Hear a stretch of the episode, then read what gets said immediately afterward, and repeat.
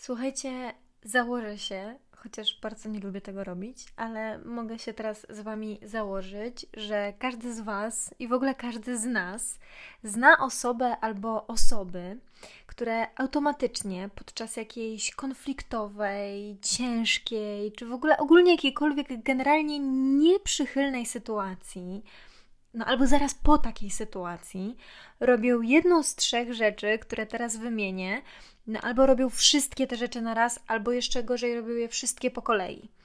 I to jest przede wszystkim albo automatyczne szukanie winnych, i nigdy to nie dotyczy siebie samego, albo przesadne narzekanie i po prostu hiperbolizacja wszelakich skutków wobec tej osoby, oczywiście negatywnych. I ostatnie, równie automatyczne co pierwsze, szukanie wymówek. I słuchajcie, naprawdę, niech pierwszy rzuci, no nie kamieniem, a komentarzem pod tą publikacją ten, kto kogoś takiego nie zna, lub ten, kto nigdy, ale to nigdy, z ręką na sercu, chociaż nie widzę, ale nigdy nie zrobił z siebie ofiary, umywając rączki, no się ładnie wplotło w obliczu pandemii, od jakiejś odpowiedzialności. I słuchajcie, ja wiem, że to może zabrzmieć krzywdząco wobec prawdziwych, w cudzysłowie, ofiar, to sformułowanie, sformułowanie o robieniu z siebie ofiary, ale spokojnie, ja, ja zaraz wszystko wytłumaczę. Wstawiłam ostatnio na fanpage Biedrzycka publikuje. Innego nie mam, więc nie wiem po co go wymieniam, no ale dobra. Lubię to, Biedrzycka publikuje, mi się podoba. Kiedyś wymyśliłam bardzo najszybszy wymysł w moim życiu trwał jakąś setną sekundy, zostało, przyjęło się zajebiście, bo no. Dobra, w każdym razie wrzuciłam cytat obrazujący mniej więcej to, y, o czym chciałabym Wam dzisiaj poopowiadać, popaplać. Chociaż brzmi to paradoksalnie, są ludzie, którzy mają albo głównie poczucie winy, albo poczucie krzywdy. Jednak często spotykam takich, którzy są wewnętrznie naprzemiennie krzywdzeni i winni. Na przykład ktoś czuje się skrzywdzony, bo czegoś nie dostał, ale zaraz zachowuje się tak agresywnie, że czuje się winny. I odwrotnie. Ktoś czuje się winny, projektuje winę na drugiego i już czuje się skrzywdzony. I tak tą walutą bez przerwy obracają. Dobrze to widać w skonfliktowanych parach. Raz jedno krzywdzi, raz drugie, raz jedno jest ofiarą, raz drugie. Więc może bardziej użyteczny będzie podział nie na winnych i na skrzywdzonych, tylko na tych, którzy wpadają w pętle krzywdu winy oraz na tych, którzy szukają wyjścia z trudnych sytuacji. E, I ten cytat jest fragmentem rozmowy Agnieszki Jucewicz z profesorem Bogdanem de Barbaro z książki pod tytułem Czując, do której naprawdę serdecznie Was e, odsyłam zawsze, zresztą już niejednokrotnie tutaj polecałam. Słuchajcie, ja przeczytałam ten fragment i pomyślałam sobie, tak, o tak. Przecież wokół tego tak naprawdę się kręci całe nasze jestestwo, a raczej wszystkie jego kryzysy i niedomagania. Bo ktoś się przez kogoś poczuł skrzywdzony, albo ktoś się poczuł lub właśnie nie poczuł winny. I zaraz następuje seria mniej lub bardziej niefortunnych zdarzeń, określonych przepięknym słowem afekt bo słuchajcie, poczucie krzywdy i winy, jeśli pozostaną y, one nieokiełznane, no to są źródłem, według mnie przynajmniej, najbardziej męczących i nieobliczalnych emocji takich, z którymi naprawdę trzeba umieć sobie radzić. A jak się nie umie, jak na przykład ja nie umiałam przez wiele, wiele dobrych lat, no to nie pozostaje nic innego od płaczu, zgrzytania zębów, melancholii, gryzienia poduszki w nocy i ogromnym, ogromnym żalu po stracie, bo znowu się coś zjebało epicko z poczucia krzywdy albo winy. No i bach, nieodwracalnie pozamiatane.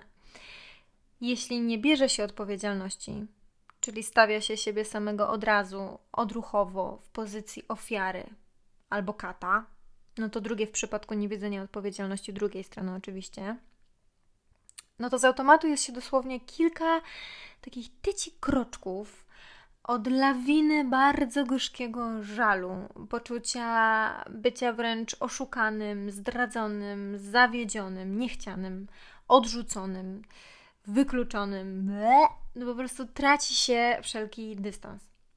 I nie wiem jak wy, ale ja kiedyś nie umiałam funkcjonować logicznie i adekwatnie, jeśli czułam to wszystko. I wtedy robiłam naprawdę masę głupot, afektywnych, nieodwracalnych głupot, i niektóre konsekwencje, no, odczuwam do dziś. A zaczynało się właśnie zazwyczaj od tego, że poczułam się ofiarą lub nie mogłam sobie poradzić z poczuciem winy.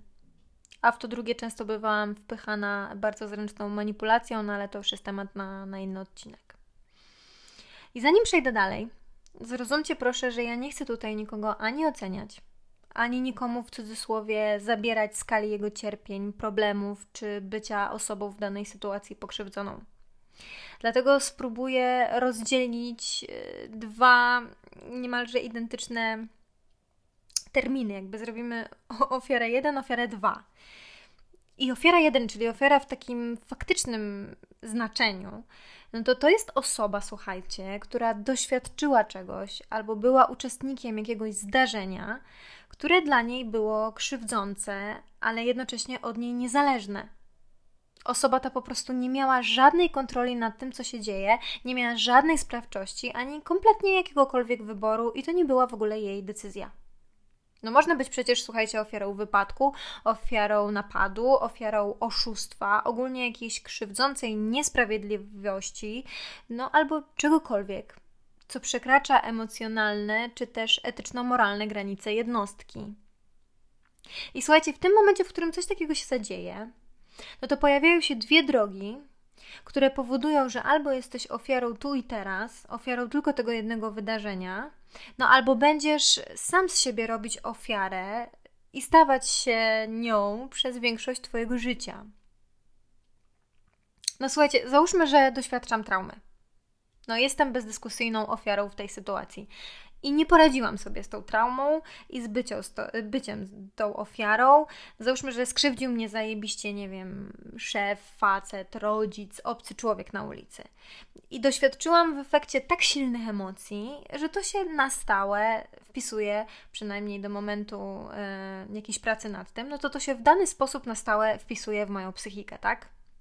Bo to tworzy schemat albo uaktywnia bodziec, który we mnie wywoła podobne, ciężkie i bardzo trudne emocje, jeśli zostanie ponownie uruchomiony. Nawet nie bezpośrednio, a ze względu na jakieś tam luźne skojarzenie czy zwykły przypadek. No jeżeli ja sobie z tą sytuacją nie poradziłam, nie przepracowałam jej, nie przepłakałam, nie wygadałam się z niej, nie uświadomiłam sobie skali, wyparłam problem, etc., wstaw dowolne, no to nie będę ofiarą tej sytuacji raz. Skoro ona już minęła, już jej nie ma, to ja i tak nie będę pojedynczą, że tak powiem, ofiarą. Ja zacznę nią być cały czas, ponieważ ta sytuacja będzie we mnie się odtwarzała za każdym razem, gdy coś mi się skojarzy wprowadzi mnie w podobne odczucia, zapachnie albo zabrzmi podobnie, no albo będzie bogate w coś, czego utraty boję się najbardziej, a na przykład właśnie w trakcie tej traumy, tej utraty doświadczyłam.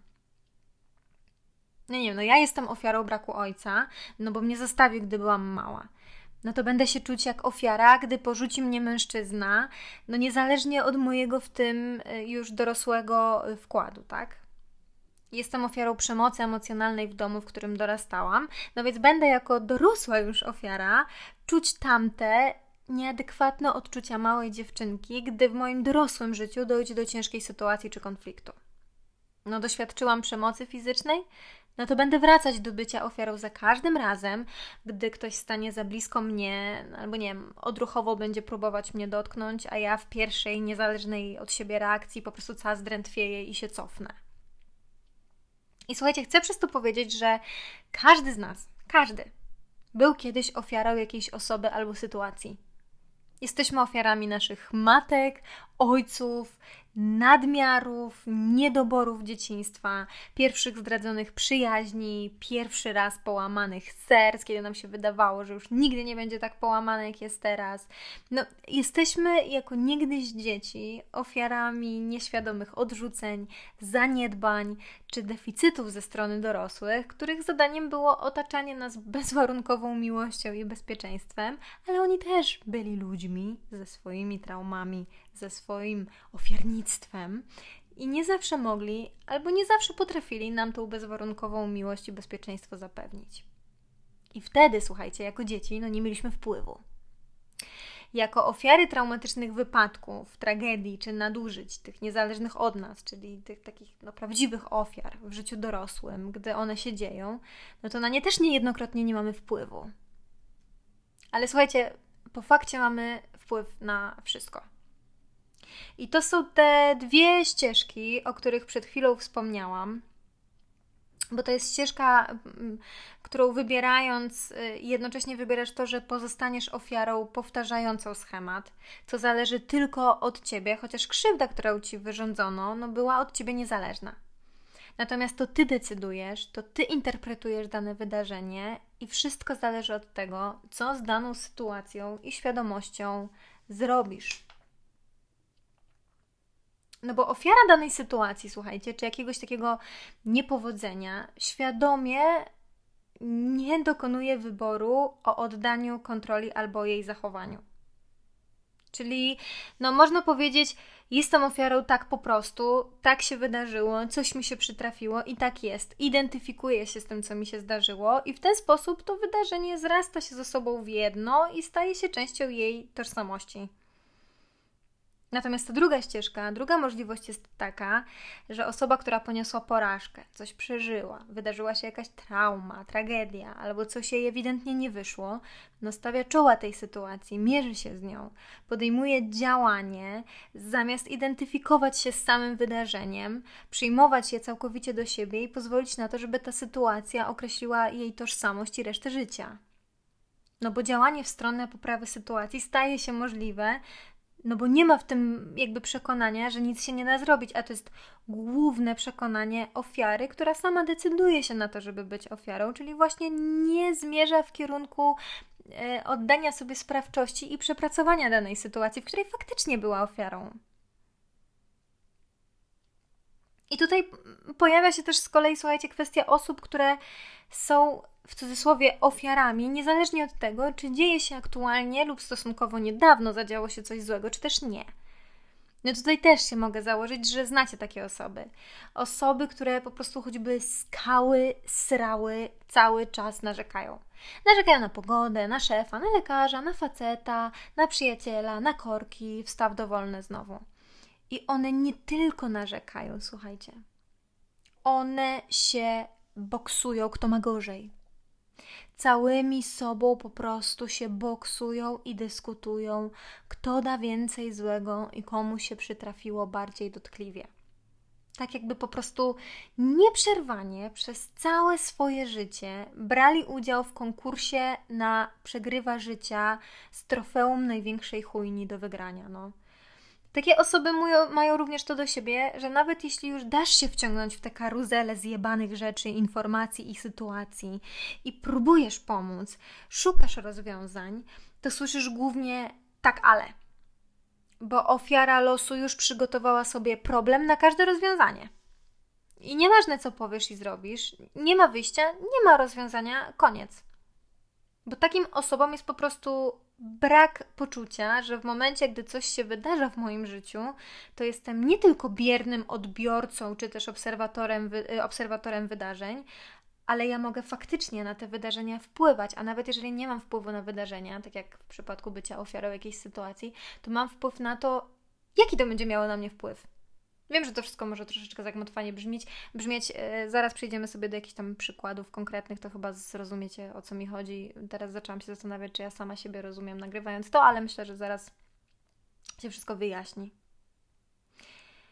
No bo słuchajcie, no taka ofiara z wyboru, no to tkwi w miejscu bez możliwości zmiany swojej sytuacji. I taka ofiara z wyboru po prostu siedzi, narzeka, boksuje się na to, że ma gorzej, i jednocześnie czekając z nadzieją, że świat się zmieni sam.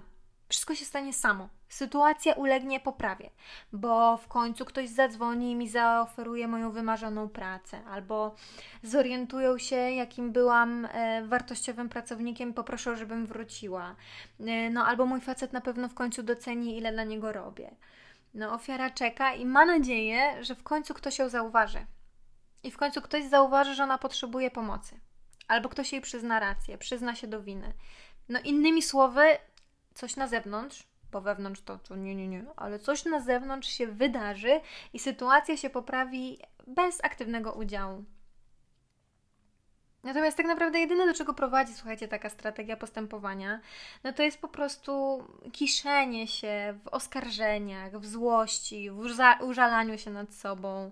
Takie maksymalnie negatywne myślenie, któremu zazwyczaj towarzyszy brak no, jakiegokolwiek realnego działania prowadzącego do, do zmiany tej sytuacji. No. To się kończy najczęściej takim poczuciem totalnej bezsilności i frustracji. No jak się pojawiają takie silne emocje, no to nie ma miejsca na kreatywność i perspektywę, jakieś spojrzenie z dystansu na całą sytuację, co by na pewno umożliwiło znalezienie jednak rozwiązania. No nie no, ofiara czeka i ma nadzieję, że w końcu ktoś zauważy, że ona potrzebuje pomocy, albo ktoś przyzna jej rację, czyli że ma najgorzej, no albo przyzna się po prostu do, do winy, i są też osoby, słuchajcie, które zawsze, ale to zawsze, zawsze, i powiem dla odmiany raz jeszcze, zawsze znajdą powód czy wymówkę, które to całkowicie pozbawiają je winy lub odpowiedzialności za zaistniałą sytuację, czyli osoby, które według siebie nigdy nie robią nic źle. Słuchajcie, oni nigdy nie robią nic źle, bo to zawsze on, ona, ono. To zawsze przez tamto, sram, to, owam to. Osoby, które nigdy nie potrafią powiedzieć po prostu, okej, okay, sorry, zjebałem. Moją wadą jest to i to, nie pomyślałem. Czy nawet nie to, że nie pomyślałem, po prostu mnie zabolało, albo się wkurwiłem i zrobiłem to celowo, żeby się odegrać, bo jestem słaby. Czy cokolwiek w tym stylu nigdy nie pada z ich ust. To też są wewnętrzne ofiary pozbawione własnej sprawczości, bo skoro to nigdy oni, no to też słuchajcie, nigdy oni nie mają pola do manewrów, zmian czy działań.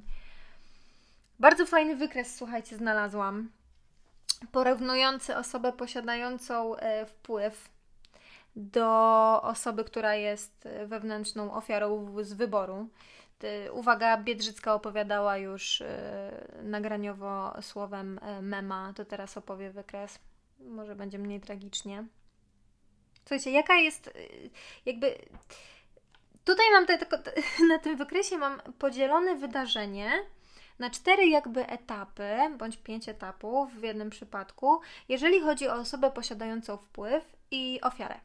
I jeżeli chodzi o osobę posiadającą wpływ, no to coś się zadziewa, nie? Zadziewa się coś, no ewidentnie nieprzyjemnego.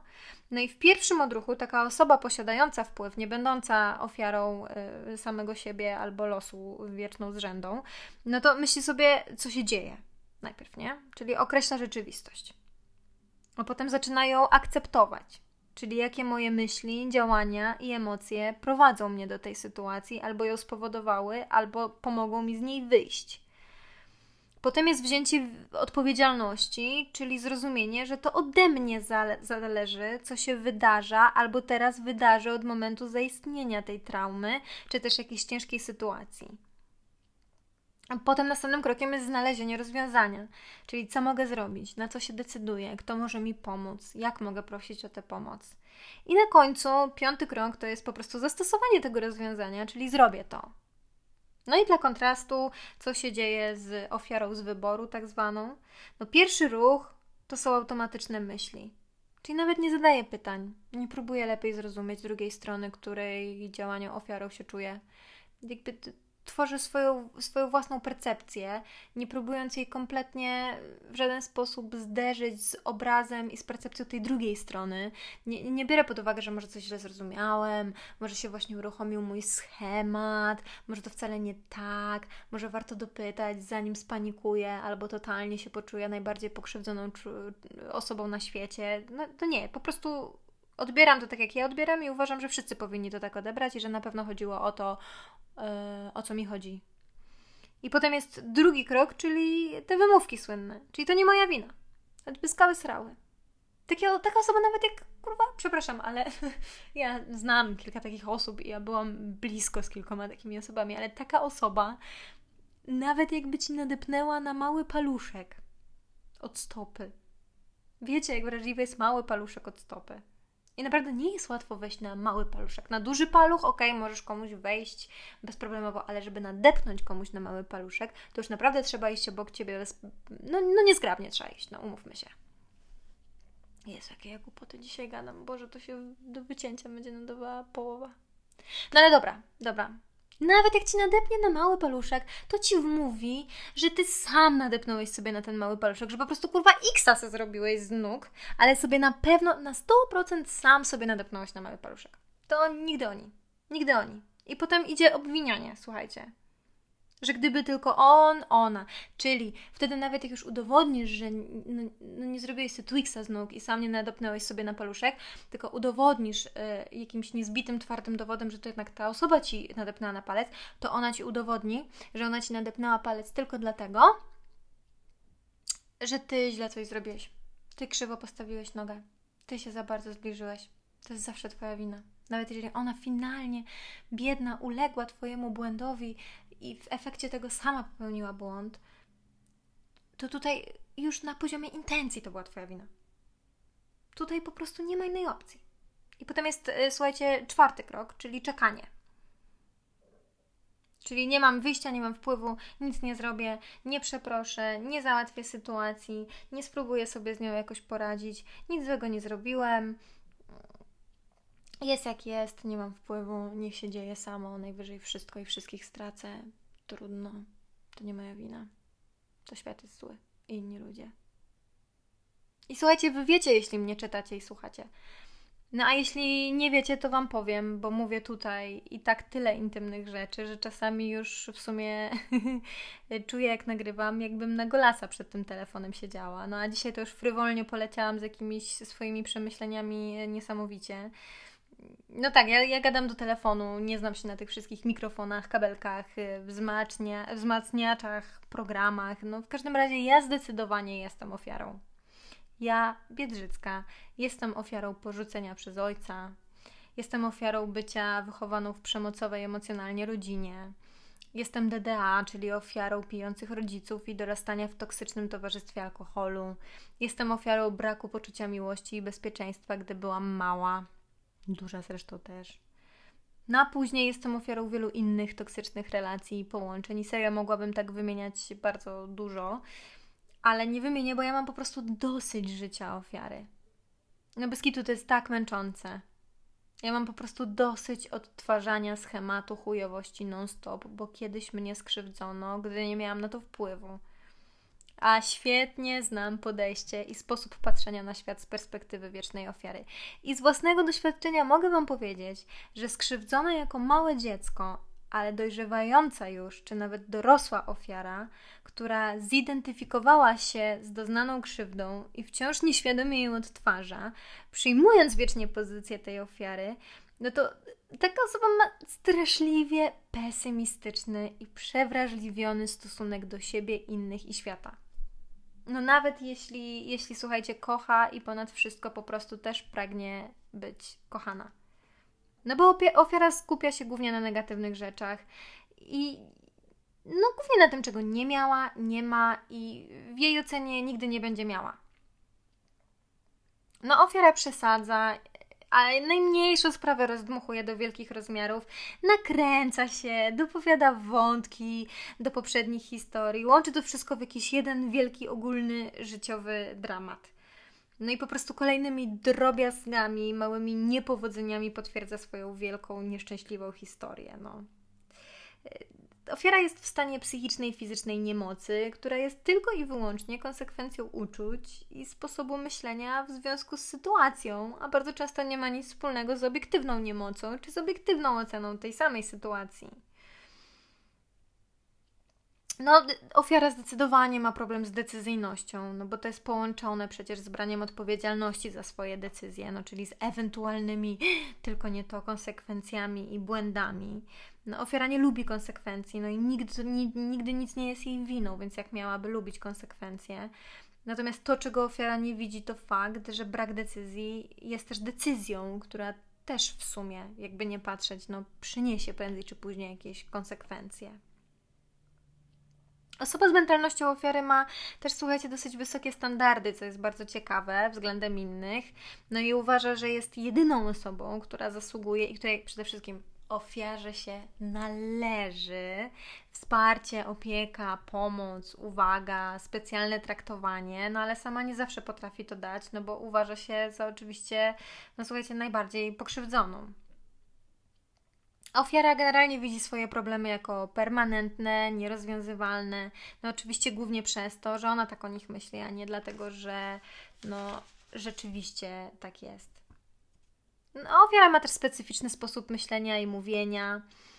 Tam często się pojawiają takie określenia jak nie mogę nic zrobić, nie jest łatwo, jest bardzo ciężko, nie mogę tego zrobić, bo coś tam, coś tam, albo ktoś mnie wyprowadził z równowagi, albo nie nadaje się do tego, nie mam wystarczającej siły, wytrwałości, dyscypliny, e, wszyscy wszystko mnie denerwują, jestem bezsilny, może jutro zobaczę, jak się będę czuć, nie wiem, czy to jest możliwe, poddaję się.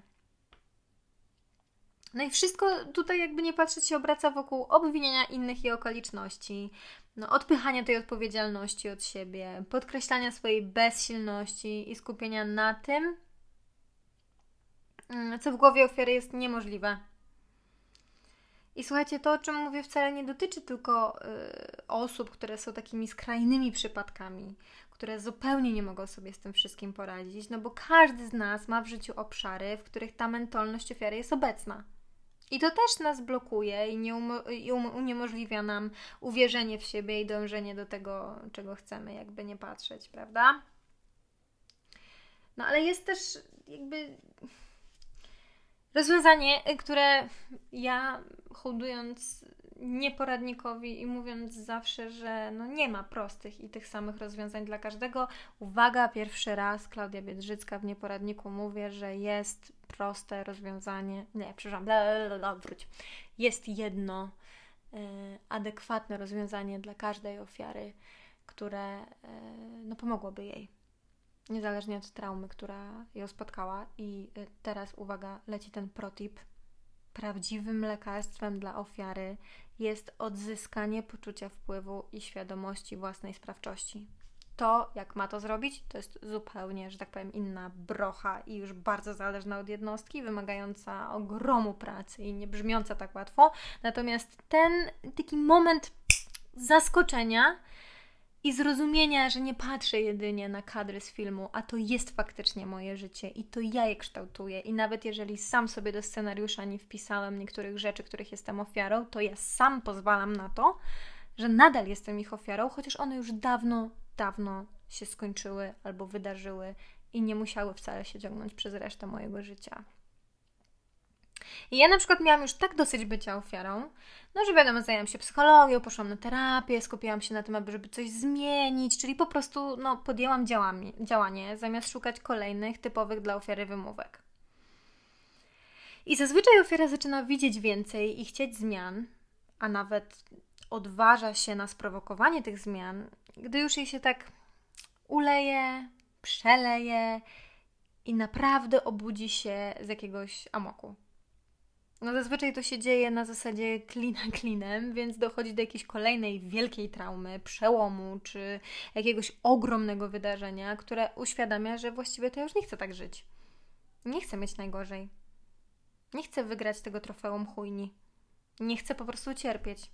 Nawet jeśli to jest wygodne i niczego nie wymaga ode mnie. I proces wychodzenia z bycia ofiarą jest zazwyczaj stopniowy. Ja odkopałam, słuchajcie, notatki z jakiegoś warsztatu i pozwolę sobie je zacytować, jednak z góry przepraszam, e, że nie mam zanotowanego autora. Mam nadzieję, że nikt się na mnie e, nie obrazi. Słuchajcie, łatwo przychodzi nam mówienie, że ludzie doświadczający przemocy powinni wyjść z roli ofiary i nie pozwolić więcej na takie traktowanie. I mało kto rozumie, że ten proces jest etapowy i najczęściej trwa bardzo długo, zanim ofiara się przebudzi z roli ofiary i zechce z niej wyjść i będzie konsekwentna w tym wyjściu. Bo pierwszy jest taki etap, etap tutaj nazwany jako takie jest życie. No i ta sytuacja dotyczy dzieci w rodzinach dysfunkcyjnych, czy dzieci z rodzin dotkniętych wojną, czy faktycznym zagrożeniem życia, czyli dotyczy to dzieci, które żyją w ciągłym strachu i naprawdę uzasadnionym poczuciu zagrożenia, które jest dla nich totalną normą. One są ofiarami w dosłownym sensie i robią wszystko tylko i wyłącznie po to, żeby przetrwać. Jest kolejny etap, czyli zasługuje na to, to moja wina. I takie myślenie może być zakorzenione w człowieku już wcześniej, ale może się również zacząć rozwijać w pewnych okolicznościach. I dzieje się tak na przykład wtedy, kiedy dane dziecko jest wybierane na kozła ofiarnego w rodzinie lub szkole, no albo nie rozumie, dlaczego pomimo życzliwości doznawanej w szkole, w domu jest traktowane zupełnie inaczej. I tego rodzaju podejście może pojawić się również u osoby dorosłej, no, która żyje w toksycznym, uwaga, i przemocowym związku, w którym stosowane jest wzmocnienie przerywane. Teraz wszystkie kobiety, które żyją w toksycznych związkach oraz wszyscy mężczyźni, którzy żyją w toksycznych związkach, wyjmują sobie kajecik albo smartfonika. Czy wzmocnienie przerywane polega na tym, że oprawca nie jest zawsze agresywny, ale przeplata skubaniutki zachowania agresywne z neutralnymi lub nawet przyjaznymi. I brak takiego określonego, jednego wzoru zachowania oprawcy powoduje no zajebiste rozchwianie emocjonalne ofiary w stylu on się zmieni. I kiedy ofiara próbuje zrozumieć sens tego, co ją spotyka, zaczyna dochodzić do wniosku, że zasłużyła na to wszystko, no skoro raz jest dobra, raz jest zły. No i uważa, że wystarczy odkryć, co zrobiła źle, żeby agresor się zmienił.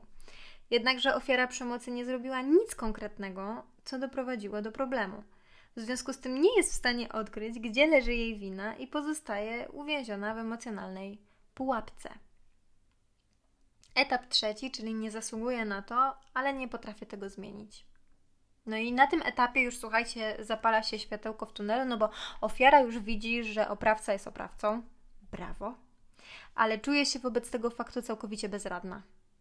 I ta bezradność dotyczy na przykład dzieci i nastolatków, które dosłownie nie są w stanie niczego zmienić, no bo są zależne od dorosłych, czy też dorosłych, którzy nie potrafią się wydostać z jakiegoś toksycznego związku, no bo na przykład są finansowo zależne od drugiej osoby, tak? No i na tym etapie sytuacja może też komplikować e, wspomniane wcześniej wzmocnienie przerywane, e, które zakłóca emocjonalną równowagę ofiary. Czyli przekonanie, że z tej sytuacji nie ma żadnej ucieczki, prowadzi często do rozpaczy i na przykład, no nie wiem, nawet podejmowania e, prób samobójczych, a jeżeli nie tak skrajnych rzeczy, to podejmowania małych prób odejścia, ale też wracania od razu. I etap czwarty nie zasługuje na to. Być może mogę to zmienić, ale boję się i nie wiem do końca jak. I na tym etapie ofiara już jest, ofiara jest już, słuchajcie, bardzo blisko dokonania zmiany.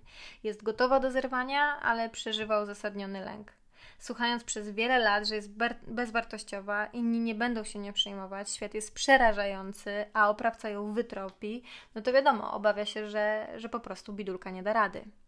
No i jest to ten moment, kiedy na przykład nastoletnie dzieci uciekają z domu. Albo dorosłe kobiety y, szukają schronienia u przyjaciół, rodziny, czy nawet w domach samotnej matki. No a po usłyszeniu groźby albo obietnicy poprawy od oprawcy po prostu potulnie wracają do domu. I jest to niezwykle trudny czas, gdy ofiara potrzebuje naprawdę zajebiście dużo wsparcia i zapewnienia od innych, że naprawdę nie zasługuje na to złe traktowanie i lepsze życie w przyszłości jest dla niej osiągalne. I etap numer 5, czyli boję się, ale zmienię swoje życie. I dojście do tego etapu, słuchajcie, często wymaga naprawdę podjęcia wielu prób.